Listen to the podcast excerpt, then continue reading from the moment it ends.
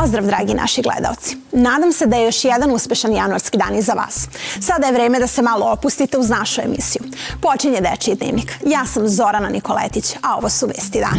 Vidjet ćete kako se oslikavaju stakla na prozorima ali i kako drugari iz Severne Koreje igraju tekvondo i odbojku na snegu.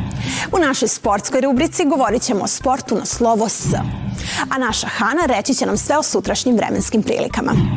Na samom početku emisije idemo slikom do Sombora. Jedan umetnički studio u tom gradu obeležava 10 godina postojanja, a sama ideja krenula je od spontanih radionica slikanja za decu do ozbiljnog studija, koji danas broji na stotine umetnika. Detalje vam donosimo u narednim minutima. Nekoliko stotina mališana prošlo je kroz radionicu umetničkog studija iz Sombora crtanje, slikanje i umetničko izražavanje za neke od njih i prilika za druženje, kao i mogućnost da iskažu svoj talenat. Ja sam član umetničkog studija već 10 godina. Počela sam sa nekih 6 godina kada me mama upisala, zato što sam od uvek voljela crtanje i slikanje i dok slikam osjećam se opušteno. Svoj talenat članice umetničkog studija iskoristile su i za oslikavanje prozora kafića, butika i privatnih kuća. Mi smo ovaj, oslikali baš to ovog kafića. Radili smo sa bojama za beton i ovaj, ne, ne treba se previše baš nešto osvrćati kao kako će to da izgleda. Ja samo onako nekako pustim ruku da ide sama. Ne znam, treba nekako da bude to sve smisleno, da ima smisla i da bude... To traje dok se ne opere. O, nije, nije isto slikati i na staklu, i na platnu, i na drvetu, na tekstilu, znači to su sve različite tehnike i za sve to treba neka vežba, naravno različite boje se koriste, za sve to postoje i određene ovaj, boje, tako da likovna umetnost obuhvata sve, od nastanka jednog dela. Zašto mi radimo i izložbe i pravimo im kolonije, to je jedna celina. Znači nije poenta sam da dođu uče crtati i to se tu završi. Pa čak i Pavle Blesić je rekao ako je slika sklonjena od oka javnosti, znači to je mrtav kapital. Znači slika treba da ide u javnost, treba da se vidi, naravno treba i da se proda. To je svrha jedno, jednog likovnog dela. Tokom decenije postojanja umetnički studio ostvario je mnoge saradnje i izvanredne uspehe kako na lokalnom, tako i na međunarodnom nivou. Vredi istaći učešće na velikom međunarodnom likovnom konkursu u Moskvi, a kruna rada ovog studija svakako je osvojeno prvo mesto na prvenstvu stvaranja likovnog dela uživo Art Battle. Đaci Severne Koreje nedavno su dokazali da odbojka i tekvondo mogu da se treniraju i na snegu. Zamislite to. Ne znam za vas, ali ja sam se baš iznenadila kada sam čula ovu informaciju. Odmah sam morala da je podelim sa vama. Nekako kod nas je uglavnom pravilo da kada su ovi zimski meseci, treninge obavljamo u zatvorenom prostoru. U nekoj sali, na primer. Međutim, izgleda da učenici u Severnoj Koreji ipak misle da su tekvondo i odbojka zimski sportovi i da to što pada sneg i što je hladno nije nikakav problem za njih.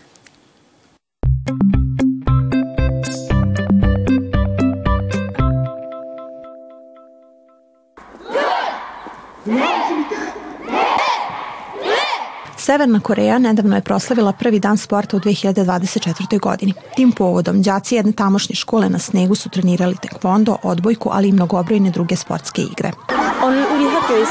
Danas se u našoj školi održava nekoliko grupnih sportskih igara, uključujući grupno trčanje i tekvondo.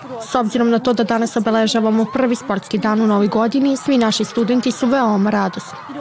Daćemo sve od sebe da kroz razne sportske aktivnosti naši učesnici razviju timski duh, ali i da mnogo toga nauče. Pored đaka, raznorazne sportske aktivnosti priredili su i radnici jedne fabrike u Severnoj Koreji. Povodom prvog sportskog dana u novoj godini naša fabrika organizuje sportske igre. S obzirom na to da sam ja organizatorka ovog sportskog događaja, takođe želim da učestvujem i kao igrač. U Severnoj Koreji se već 32 godine dan sporta proslavlja svake druge nedelje u mesecu. Kao što znate, danas je utorak, a ovaj dan posvećujemo sportu.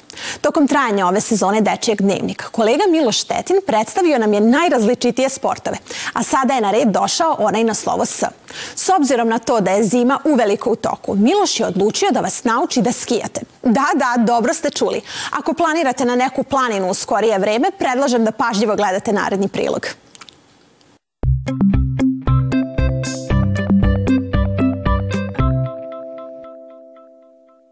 Ćao svima, kako smo došli do slose u našoj rubrici na salonu Slow Sport, odlučio sam da stvorim na skijanje. E sad, tu postoji jedan mali problem. Pošto nismo mogli da odemo do planine za tako kratko vrijeme, mi, smo, mi ćemo vam danas pokazati skijanje, ali na malo drugačiji način. Mi ćemo vam danas pokazati skijanje na pokretnoj traci. Kakav je skijanje sport? Dobar dan svima i svim klincima i klincezama, prvenstveno tebi kao mom učeniku. Skijanje je sjajan jedan sport koji pokreće sve mišiće, koji pruža veliko zadovoljstvo i svi koji ga probaju uživaju u njemu zauvek. E, zašto ljudi skijaju na pokretnoj traci i kako im to pomaže? Skije na pokretnoj traci zbog toga što žele da ubrzaju proces učenja, koji inače ume da traje malo duže nego što bi trajao ovde na traci. I to im pomaže u smislu da kada stanu na sneg već znaju neke osnovne stvari, znaju osnovnu tehniku i mnogo se lakše snađu kada stanu prvi put na pravu planinu i na pravi sneg.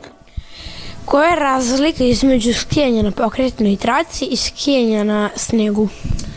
Skijanje na snegu je malo drugačije od skijanja na pokretnoj traci zbog toga što sneg dopušta neke stvari koje pokretna traka ne dopušta i pokretna traka u stvari služi prvenstveno za učenje i za usavršavanje tehnike, tako da ne možemo ovde da uživamo kao što možemo na snegu, znači skijanje na pravom snegu je u stvari ono što svi žele da, da osete i da postignu.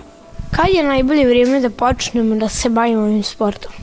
Ovim sportom počinju deca se bave već od dve godine, ali neki, neki idealan period je između 3 i 4, tada deca najlakše upijaju znanje i najmanje se plaše i najbrže savladaju sve što se od njih traži.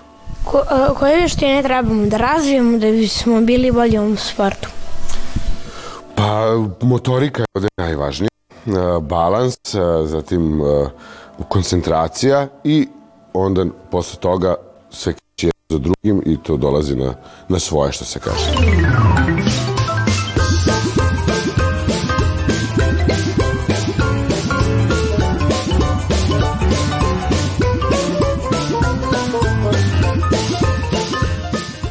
Eto, sada znate e, kako se možete opremiti za skijanje ove zime.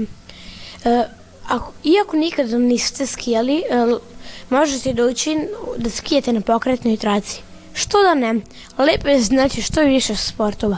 A mi se vidimo sledećeg utorka sa nekim novim sportom. Ćao!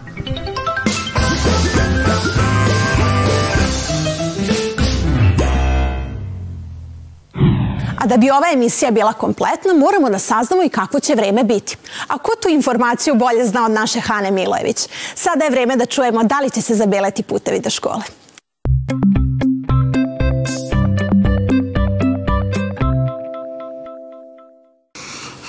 Ćao svima, gledate Remeski izveštaj. Ako sudeći po informacijama koje sam upravo dobila, sutra treba da očekujemo isto vreme kao što je danas. Dobro, bit će za stepen više nego danas, ali preporuka ostaje ista. Dobro se obucite, Toliko o vremenskim prilikama za sada, vidimo se uskoro.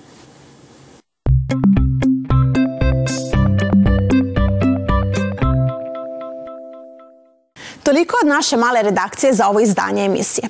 Nadam se da ste uživali gledajući nas, a nema razloga da ne bude tako i sutra, kada je Dečiji dnevnik opet na programu. Vidimo se tada, a ja vam su ime cele ekipe koja je realizovala ovu emisiju zahvaljujem na pažnji. Do sutra uveče. Doviđenja.